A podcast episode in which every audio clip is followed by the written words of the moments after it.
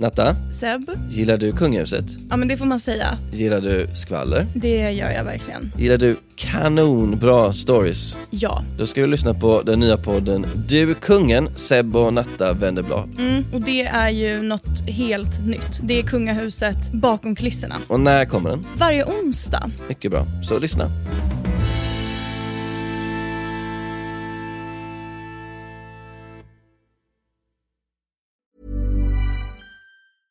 Hey, I'm Ryan Reynolds. Recently, I asked Mint Mobile's legal team if big wireless companies are allowed to raise prices due to inflation. They said yes. And then when I asked if raising prices technically violates those onerous two year contracts, they said, What the f are you talking about, you insane Hollywood ass? F- So to recap, we're cutting the price of Mint Unlimited from $30 a month to just $15 a month. Give it a try at mintmobile.com slash switch. $45 upfront for three months plus taxes and fees. Promo for new customers for limited time. Unlimited more than 40 gigabytes per month. Slows. Full terms at mintmobile.com.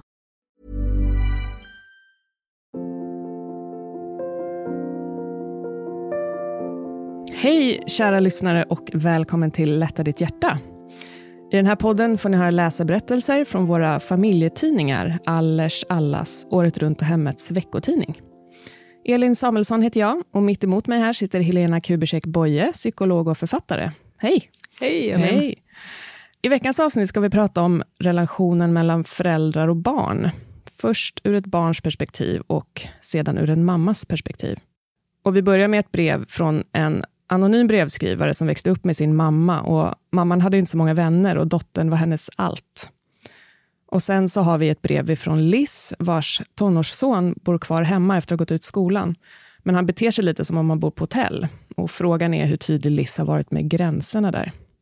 Vad säger du, Helena? Hur vanligt är det så att människor vänder sig till dig för att prata om sin relation till en förälder eller till ett barn? Nej, men det är ju faktiskt vanligt, för att eh, nu är det vuxna som har hört av sig hit. Och sådana mönster som vi har haft med sedan innan, alltså till exempel som den första brevskrivaren, det kan påverka en hela livet sen på olika sätt. Och sen det andra är ju en utmaning såklart att vara förälder på många sätt, men framförallt också om man då är i sådana här övergångsfaser. Då, då ställs allting på sin spets, lite som den brevskrivaren berättar ju. Mm. Ja, intressant. Vi går in lite djupare på det här snart. Eh, men först så lyssnar vi på den första berättelsen.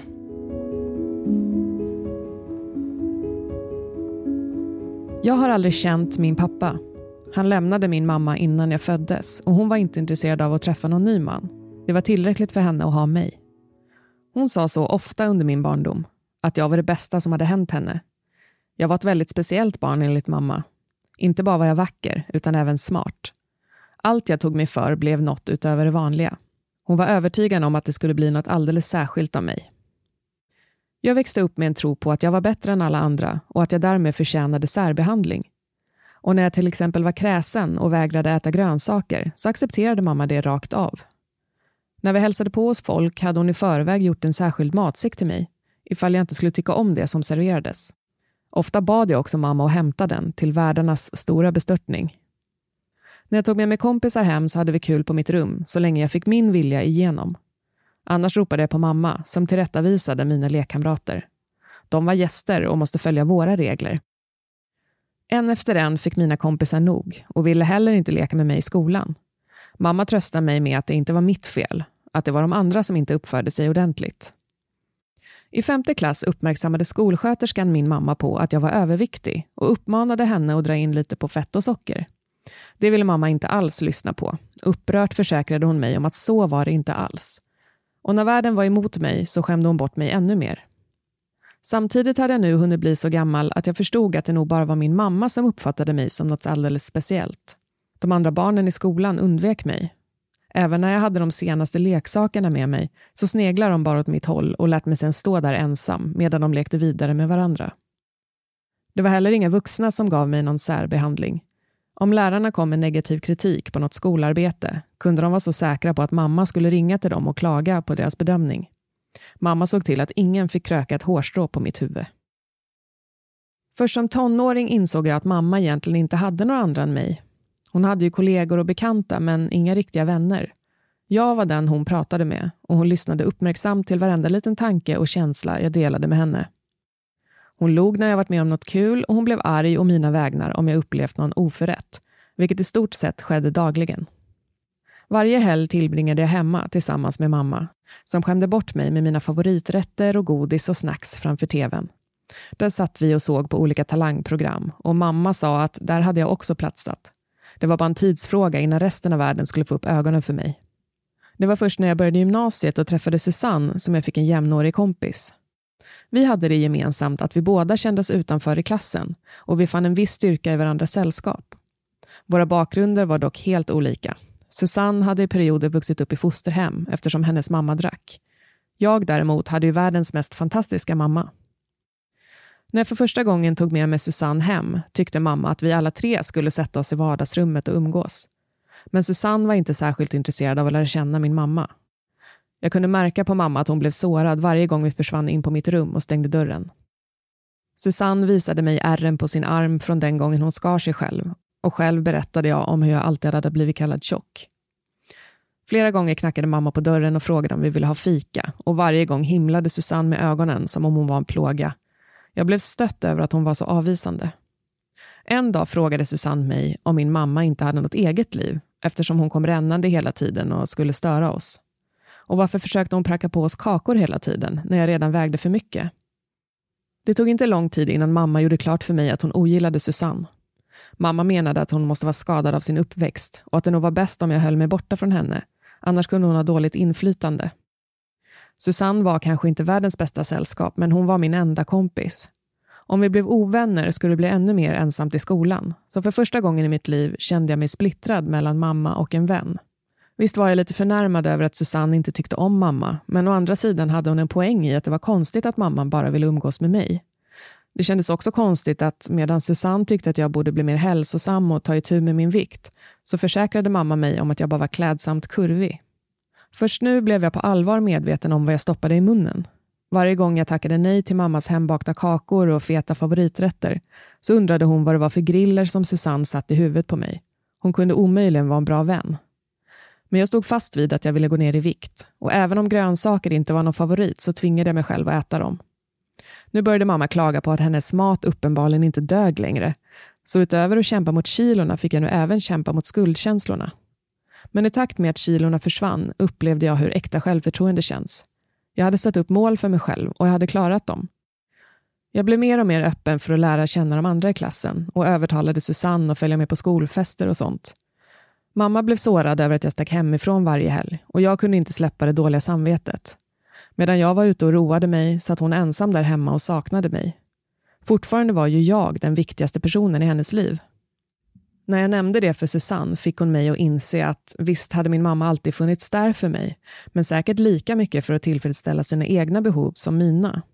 Susanne menade att min mamma hade behövt mig för att spegla sig i och bekräfta sig själv igenom. Att hon var en så perfekt mor och därför inte kunde undgå att få ett så fantastiskt barn. Men helt ärligt, sa Susanne, bortsett från att du har en mamma som uppför sig som om hon är din betjänt, så är du inte mycket annorlunda än alla andra. Mamma blev först förbannad när jag berättade vad Susanne hade sagt, men sen alldeles knäpptyst när jag faktiskt gav min kompis rätt. En del av mig hade lust att bara lägga armarna om mamma och stanna hos henne. En annan del av mig hade insett att om jag inte bröt denna osunda symbios så skulle jag aldrig få leva mitt eget liv.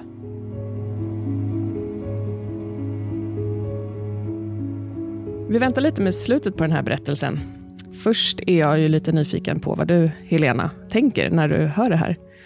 Ja, men jag tänker att eh, den här personen som har skrivit brevet har ju verkligen kommit väldigt långt med sig själv och kan berätta sin historia och se vad som har hänt. Och Det gör ju att hon Eh, har inte fallit i det som kan hända. När man växer upp på det sättet kan man utveckla en väldigt så narcissistisk sida av sin personlighet. Men det låter som att hon ändå har tagit sunda beslut och steg längs vägens gång. Så att det är väldigt bra beskrivet hur, hur hennes liv har varit, tycker jag. Mm. Hon skriver ju att att hon växte upp med en tro på att hon var bättre än alla andra. Eh, men vad skulle det kunna ha gjort med ens självbild om man bara får uppmuntran i barndomen, som den här mamman har gjort? Men dels, som jag sa, så kan man utveckla narcissistiska drag. Att man är för mer än andra, att man ska klara av mer, att man är, står över andra. Och sen så är det klart att man också med en sån, som jag skulle beskriva, invaderande mamma som inte eh, respekterar hennes gränser och behov, utan sammanblandar sina egna med dottern, så kan det bli svårt att utveckla ett eget jag på något sätt. Ehm, vad står jag för? Vad är mina behov? Och liknande, när man liksom lyfts upp hela tiden. Mm. Och en tredje aspekt av det är att vi behöver utmaningar och motstånd för att utvecklas som människor. Mm. Vi behöver bygga det som kallas psykologisk motståndskraft. Har mm. du hört det begreppet? Nej, det har jag inte. På engelska säger man psychological resilience. Mm. Och vi har sett att det är något som är väldigt viktigt för att vi ska mogna i våra personligheter, kunna klara svårigheter som vi får i livet. Och tack och lov att den här Susanne kom in i hennes liv, eller hon släppte mm. in henne, för hon blev ju lite obekväm. Mm. Hon utsatte henne för prövningar mm. som hon fick fundera igenom och ta sig igenom. Mm. Så att om man som den mamman försöker skydda sitt barn helt mot det här, så får man en ganska omogen personlighet och när du väl sen kommer i en kris, då har du inga verktyg att hantera det med riktigt. Nej, nej, just det. Men jag tänker att det måste vara en hårfin gräns för en förälder att liksom, eh, vilja uppmuntra och peppa sitt barn så mycket som det bara går och samtidigt sätta gränser och liksom ta ner barnet på jorden. Liksom. Det finns inom utvecklingspsykologin ett begrepp som heter optimal frustration och det är där vi gärna ska ligga i vår uppfostran av våra barn. Vi sätter eh, krav och utmaningar på en nivå då man måste anstränga sig, men man kommer kunna klara av det. Mm, mm. Vi sätter inte dem för högt och inte för lågt, för att vi, den här optimala frustrationen, den är liksom sund för oss och då får vi känna oss kompetenta, vi får mm. anstränga oss och vi får också känna lyckan av att faktiskt klara av någonting. Mm. Så jag tänker att eh, det är den där hårfina gränsen som du säger, den kan nog alla relatera till. Mm. Man vill egentligen bara att hela världen ska vara lätt för ens barn, mm. men det är inte så det ser ut. Nej. Optimal frustration, vad, begreppet, vad, kom, eller liksom, vad betyder ja. det om man bryter ner det i orden? Ja, men precis. Om man ska gå ner till faktiska, mm. praktiska övningar, så, nej men det, man kan ju ta en sån enkel sak som att ska man kasta en boll i en, en korg, liksom, vilket avstånd ställer man sig på? Eh, mm. Om det är det viktigaste att man ska lyckas, då kanske man ställer sig precis bredvid. Mm. och är bara så här, det viktigaste är att jag får i den. Eh, men om vi backar några steg så plötsligt så blir det svårare. Men det blir också mer utmanande och utvecklande mm. för dig om du klarar av det. Just det. Men står du liksom 20 meter bort, då kanske du känner den här uppgiften klarar jag inte av alls. Det blir alldeles för svårt. Då, så att hitta ett sånt mellanläge där du... Det optimala läget. Ja, mm. precis. Och eh, som hon beskriver i sin historia här så har ju mamman på något sätt varit blind för att se vissa delar av hennes yttre. Sen undrar mm. man om hennes inre. Det är ingen som pratar eller hjälper henne med det, liksom, där, utan det har varit fokus på vikten. Då. Mm. Men det, hon har ju påverkats lika mycket på insidan, tänker jag. Mm. Ja, och varför tror du att den här mamman håller så hårt grepp om sin dotter? Alltså, kan det vara så att vissa personer skaffar barn för att inte känna sig ensamma? Alltså, är hon rädd för att bli ensam? Eh, brevskrivaren berättar ju ingenting bakåt. Jag menar, det finns ju en frånvarande förälder här också. Mm. Och det undrar man vad den personen har tagit vägen. Sen vet man ju inte den mammans livshistoria. Hon kanske har varit ensam eller blivit lämnad innan. Vi för ibland över våra mönster från generationer tillbaks. Mm. Det fina är när vi upptäcker att vi faktiskt kan bryta dem. Som jag tror brevskrivaren här kommer göra annorlunda om hon får barn. Mm. Med sina barn kanske. Tänka att jag ska inte skydda den här, det här barnet på det sättet. Mm. Så ja, det kan ju vara rädsla för separationsångest, det är en vanlig stark drivkraft. Mm. Att mamman är rädd för att bli ensam och rädd också för att dottern ska bli för självständig eller mm. klara sig utan henne helt enkelt. För mm. vem är hon då? Om Just hon har byggt identiteten kring att vara mamma så är den ju så stark. Mm. Och Det är som att hon håller kvar henne. Mamman fortsätter ju ge sin dotter onyttig mat när skolsköterskan varnat för övervikt.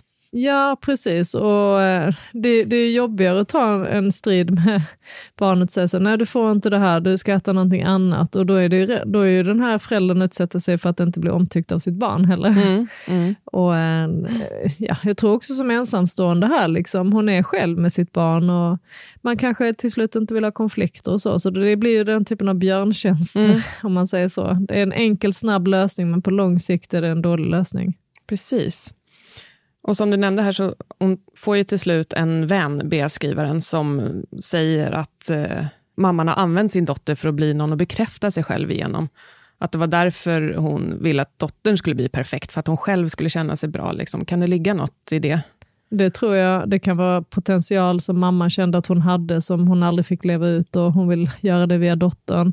Så det, inom, det finns ju det här med klassisk projicering, att man lägger över sina egna eh, känslor och tankar och behov på någon annan. Så hon kan ju Mamman kanske önskade att hon var utväljd och, och, speciell när hon var liten och fick inte vara det. Mm. Och då kanske hon eh, tänker att den här, min dotter ska få känna att hon kan allt, är bäst på allt och får som hon vill. Och, Så hon kan ju projicera sina brister på henne. Liksom. Och, eh, sen den andra aspekten var ju att hon skulle framstå som en bra förälder och det vet jag inte om det är riktigt mm. stämmer här för att eh, det låter som att hon var ganska ensam och isolerad. Mm. Um, så att det var inte bara att visa upp, liksom så. men uh, det är mm. svårt att veta. Mm. Hur mycket betyder det då för brevskrivaren, tror du, att få en så rak och ärlig kompis som Susanne? Den här Susanne, hon säger ju det, du är faktiskt inte mycket mer annorlunda än någon annan. Alltså hon har ju förmodligen aldrig fått höra det i sitt liv, för att mamman har ju bara gett henne bekräftelse.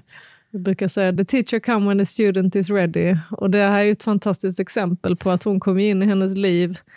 Eh, hon, hon har inte släppt in henne om man inte behövde en sanningssägare på något sätt.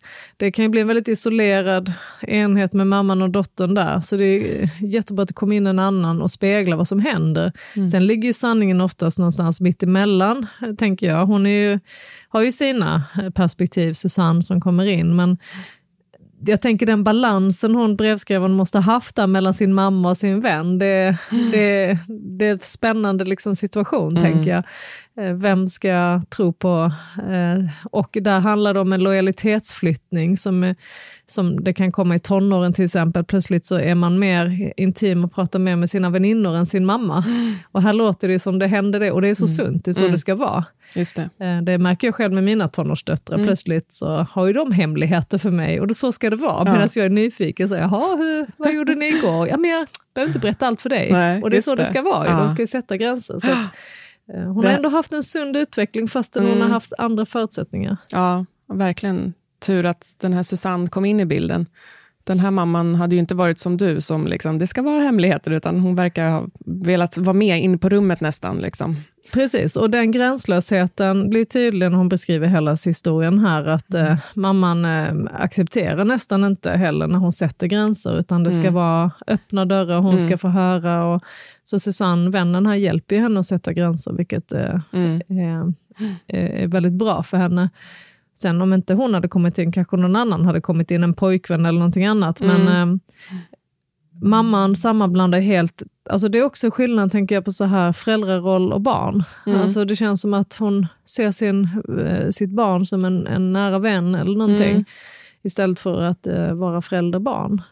Ja, hur blir det med, med ja, men generellt, det behöver inte vara en sån här sluten värld som, som den här brevskrivaren har med sin mamma, men generellt när man vill vara väldigt tajt och nära med sitt barn. Alltså det kan ju ha både för och nackdelar, tänker jag. Precis. Alltså jag, när, när en patient kommer till mig och säger så, ja, men jag berättar allt för min mamma, mm. så brukar jag säga så, jo men vad bra, men vi kan väl bestämma att det vi pratar om här inne, jag har tystnadsplikt men det har du också. Mm. Så det vi pratar om här inne, det ska inte du prata med någon annan om, inte din mamma heller. Och det brukar vara, alltså när jag hör någon säga det så behöver de hjälp med att separera och få de här personliga gränserna. Mm. Och sen kan man ju efter det på något sätt välja vad man berättar. Man behöver inte berätta allt. En förälder har inte rättighet till allt eh, åt sina barn. Samtidigt som att man som förälder då, dåliga eh, hemligheter ska man ju berätta, mm. brukar jag säga till mina barn när de mm. var små. De får få ont i magen och är obehagliga och jobbiga att bära. Mm. Bra hemligheter som vad man ska ge någon i födelsedagspresent, det, det behöver man inte berätta. Nej, precis. Så att jag tänker att eh, för henne här eh, så är det ju en eh, ja, men, avvägningen där, att eh, sätta mm. gränser. Men den här brevskrivaren hon besitter ju ändå någon slags inre styrka, tänker jag, som vågar behålla sin vän, trots att mamman inte gillar henne så bra och hon lyckas gå ner i vikt på egen hand. Jag tycker det är jättefint att se hur hon har lyckats. Alltså mamman har ju nog inte haft några onda avsikter eller intentioner här, utan det har varit, vi kan se det som alltså nästan ett eh, alltså väldigt tajt, som ett, det blir en, en beroendesituation från mamman till dottern och där försöker dottern bryta sig ur på ett sunt sätt ändå blir det ju förhoppningsvis till slut. Mm. Men hade hon inte gjort det så finns det ju de som lever så här hela livet mm. och, och, de kommer ju till mig sen. Mm. För sen när föräldern dör så är de fortfarande som små barn. De är liksom i den här lilla bubblan fortfarande. Det har hänt en Just del patienter det. jag har haft. Så att man behöver stå på egna ben. Man Mm. behöver utveckla sitt vuxna jag själv och inte Mm. vara Mm. skyddad. Så. Ja, det är tur att Susanne, kompisen där, kom in i bilden. Men vi lyssnar på slutet och ser hur det gick här. Kort därefter åkte jag till USA som au pair. Jag behövde skapa ett avstånd till mamma för att kunna utvecklas till en självständig människa. När vi tog avsked grät hon, som om hon var på begravning. Men utan henne som fixade allt åt mig kom jag äntligen att stå på egna ben. Även om det ibland var tufft så var det också det som gjorde mig stark. Nästan en ännu större befrielse var att mamma kom igång med sitt eget liv där hemma. Bland annat gick hon med i en kör. Jag älskar fortfarande min mamma, men jag är lycklig över att jag träffade en vän som Susanne. För hon fick mig att förstå att jag faktiskt har rätt att leva mitt liv som en helt vanlig människa.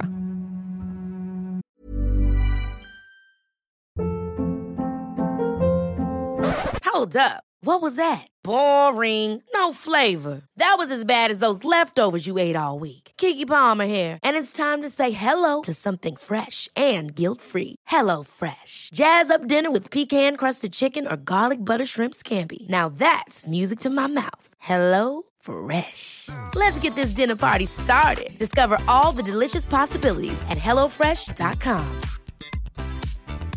There's never been a faster or easier way to start your weight loss journey than with PlushCare. PlushCare accepts most insurance plans and gives you online access to board-certified physicians who can prescribe FDA-approved weight loss medications like Wigovi and Zepbound for those who qualify. Take charge of your health and speak with a board-certified physician about a weight loss plan that's right for you. Get started today at plushcare.com slash weight loss. That's plushcare.com slash weight loss. plushcare.com slash weight loss.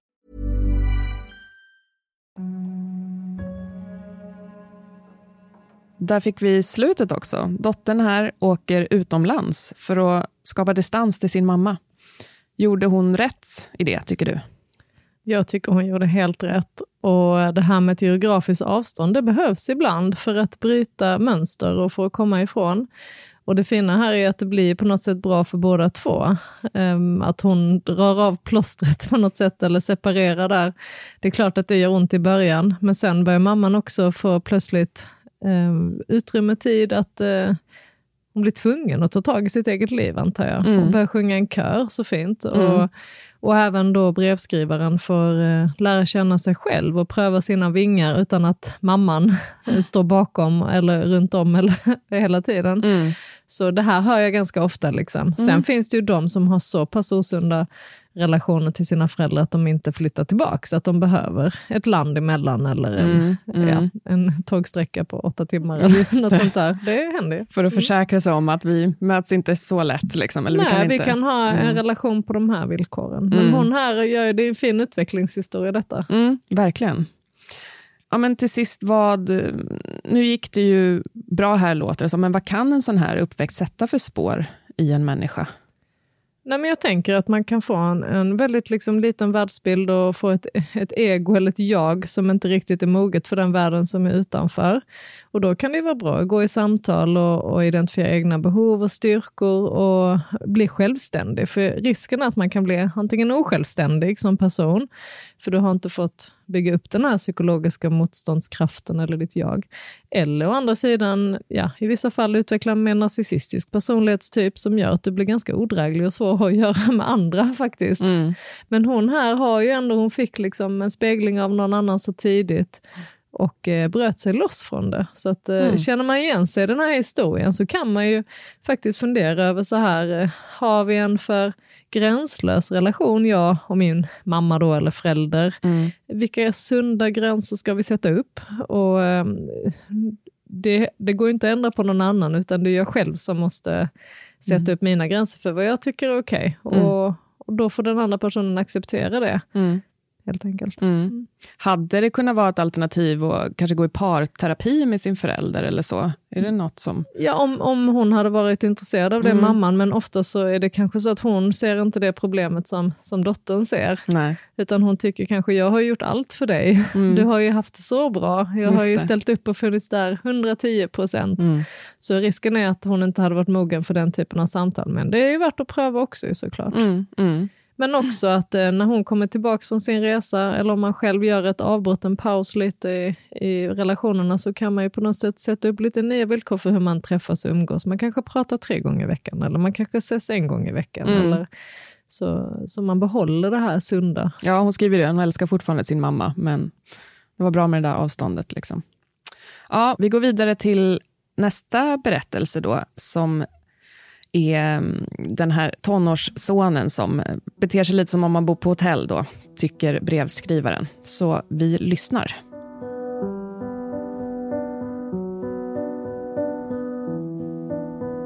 Jag var 27 år när jag fick Marcus. När han var fem år skilde jag mig från hans pappa och efter det såg vi inte så mycket av honom eftersom han flyttade till en annan del av landet. Marcus och jag hade några lugna och fina år tillsammans när det bara var han och jag. Kanske skämde jag bort honom lite under den där tiden. När jag senare träffade Niklas och förälskade mig i honom så blev Marcus ett ständigt återkommande diskussionsämne mellan oss. Niklas tyckte att han var på tok för bortskämd, men han var väldigt förtjust i Marcus och behandlade honom som sin egen son. Efter ett år tillsammans flyttade vi ihop och när Marcus var tio fick vi Alberte tillsammans. På det stora hela fungerade vårt familjeliv bra, även om vi hade det stressigt som många andra. Niklas var egenföretagare och hade många uppdrag och jag var arbetsledare med skiftande arbetstider. Jag stod även för matlagning och inköp hemma. Trots att jag hade mycket att göra och att Marcus blev äldre fortsatte jag att skämma bort honom. En eftermiddag när jag dammsög min sons rum sa Niklas att har man fyllt 18 år borde man kunna städa sitt eget rum. Marcus var hemma hos en kompis och pluggade. Jag svarade lite avfärdande att han hade ju så mycket med skolan. Innerst inne visste jag att Niklas hade rätt, men jag tyckte det var viktigt att Marcus fokuserade på skolan. Samtidigt hade han ett kvällsjobb på ett café som han skulle sköta. Ska jag vara helt ärlig så orkade jag inte med alla konflikter som uppstod när jag bad Marcus om något. Som tur var skötte han sitt skolarbete och det var en stor dag när han gick ut gymnasiet. När jag såg honom med studentmössan kunde jag inte låta bli att tänka att det var delvis min förtjänst att han hade fått så fina betyg eftersom jag hade gett honom tid att göra skolarbetet. Men nu kunde han ju hjälpa till mer hemma. Han hade bestämt sig för att ta ett sabbatsår och tjäna lite pengar innan han började plugga vidare. Men Marcus hjälpte inte till. Han fortsatte jobba på kaféet några timmar i veckan men sökte inga heltidsjobb. På kaféet tjänade han tillräckligt för att gå runt men varken boende eller mat betalade han för. Han hade massor av fritid som han tillbringade framför tvn, datorn eller med kompisar.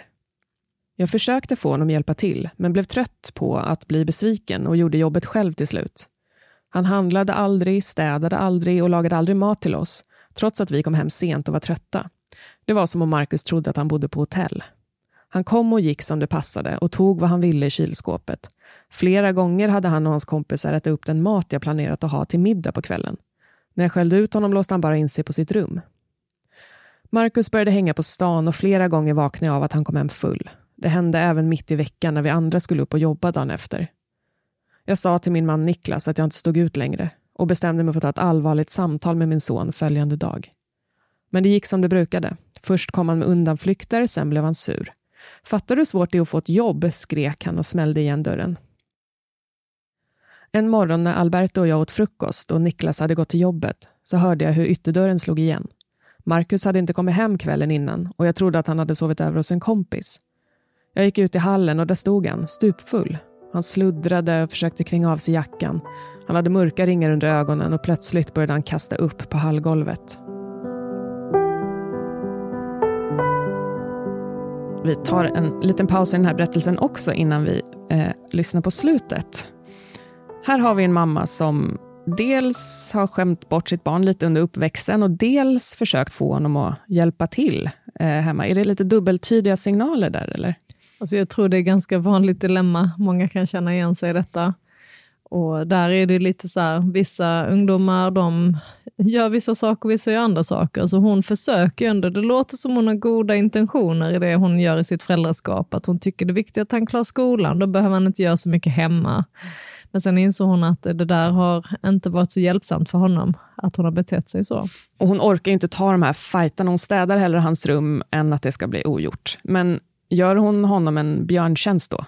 Ja, det verkar ju så när vi hör på hur mycket frustration det väcker till slut, att eh, han, han har inte förmågan att ta tag i det och det blir ju inte bättre helt enkelt. Mm. Sen får jag ju lite tankar när jag hör det här, så eh, funderar jag på vilken typ av svårigheter han kanske har, faktiskt sonen.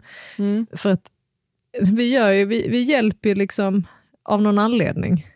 Det Mm. finns ju oftast en funktionell nivå på det hela hon som mamma har identifierat några brister eller behov kanske hos honom som hon försöker stötta upp. Så det kan ju finnas eh, att han har problem med struktur, ordning och ta tag i saker. Mm. Det vet jag inte, han är ju en tonåring och så, va? men eh, när vi får den här typen av där, eh, jag som psykolog, så kan jag fundera på om det är någonting som man kanske han behöver hjälp med. Mm. Det kan vara att han behöver utredas för någonting också, om man nu har svårt med de här dagliga eh, rutinerna och så. Sen kan det ju vara en period av tonår, Mm. såklart. Det är också helt normalt ju.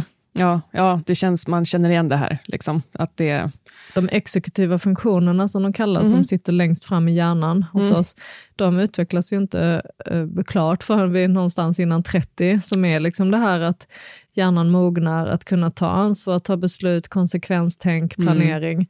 Och, och vårt samhälle ställer ju krav idag på att det ska fungera tidigare, så det är ju en del som det tar lite tid. Mm. Ja, man kanske inte kan vara för hård mot sin tonåring heller Nej, och det- förvänta sig att få det man be- ber om. Och Liksom. det jag ser när mamma berättar här om, om Marcus, det är att hon, hon försöker liksom ha en lagom kravbild liksom, som ska fungera för honom. Och av någon anledning så har hon en, en sån inställning till honom som hon kanske inte har till sin andra son sen, för att han bara löser det. Mm. Så att, det- ja, det hade varit intressant att veta lite mer om honom. Men nu är det deras samspel här det handlar om. ju. Mm, precis. Ja, men fint. Vi eh, lyssnar vidare och ser hur det går här.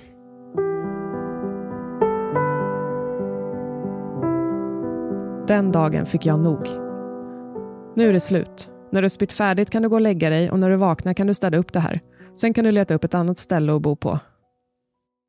Det skulle visa sig vara rätt sak att säga. Marcus fick tag i ett rum som han hyrde. I flera månader hörde vi ingenting från honom och jag var bekymrad. Fortsatte han att dricka och spela dataspel till långt fram på natten. Men efter ett tag var det som om något hände. Som om Marcus förstod att han var ansvarig för sitt eget liv. Kylskåpet fylldes inte på automatiskt och hyran betalades inte själv. Han fick ett heltidsjobb och drog ner på festandet. Idag har Marcus påbörjat en utbildning och jag älskar när han kommer på besök. Ja, även när han slänger sig i soffan och glömmer att fråga om det finns något han kan hjälpa till med.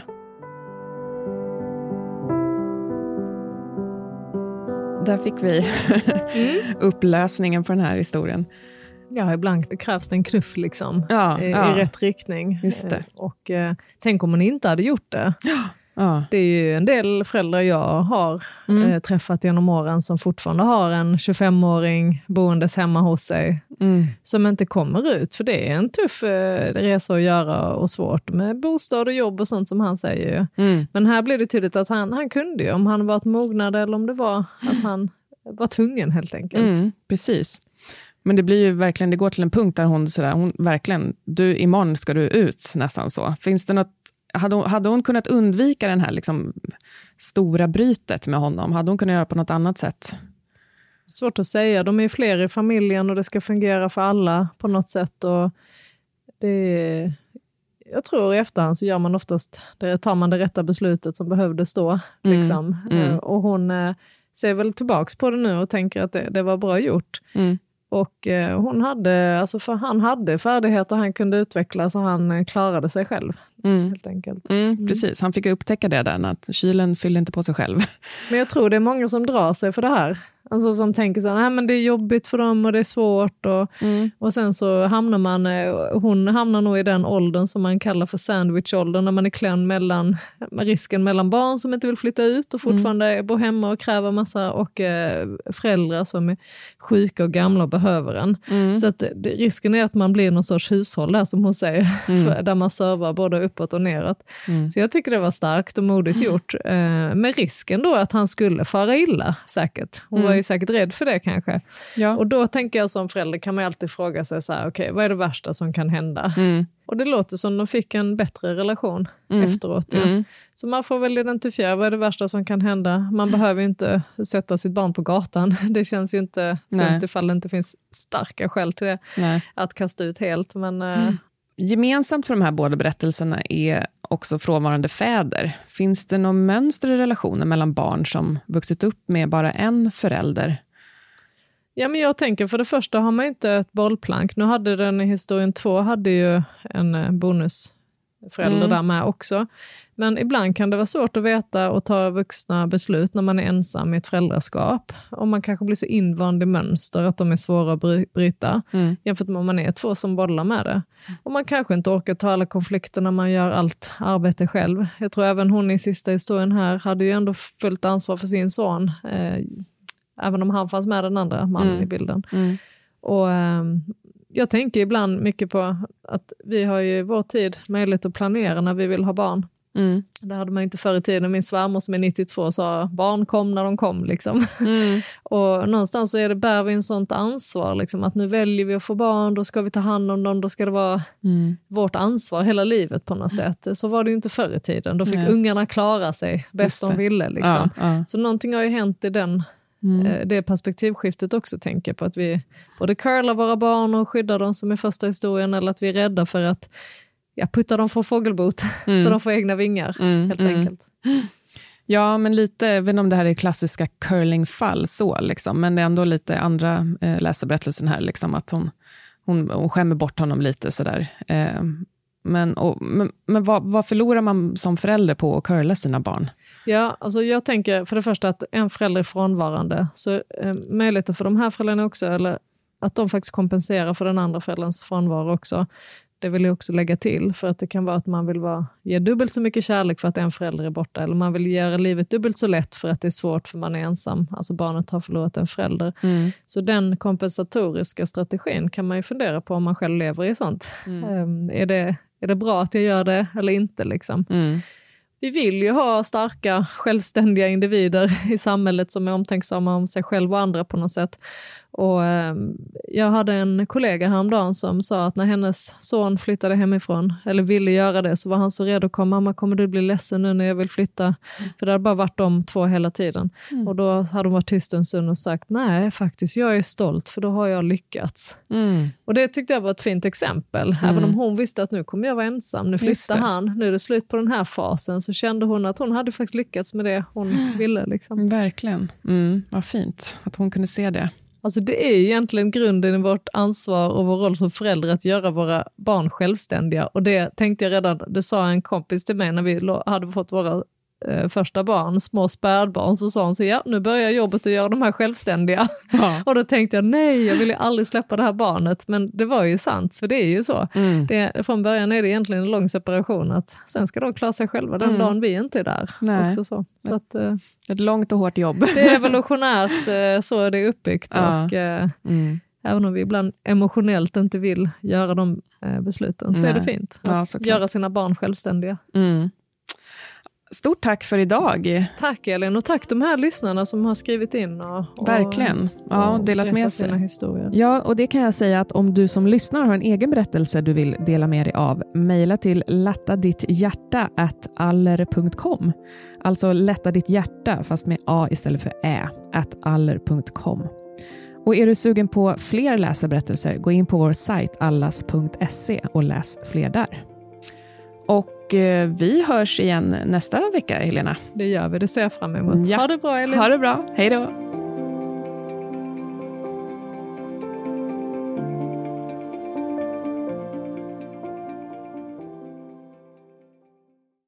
En podd från Allermedia.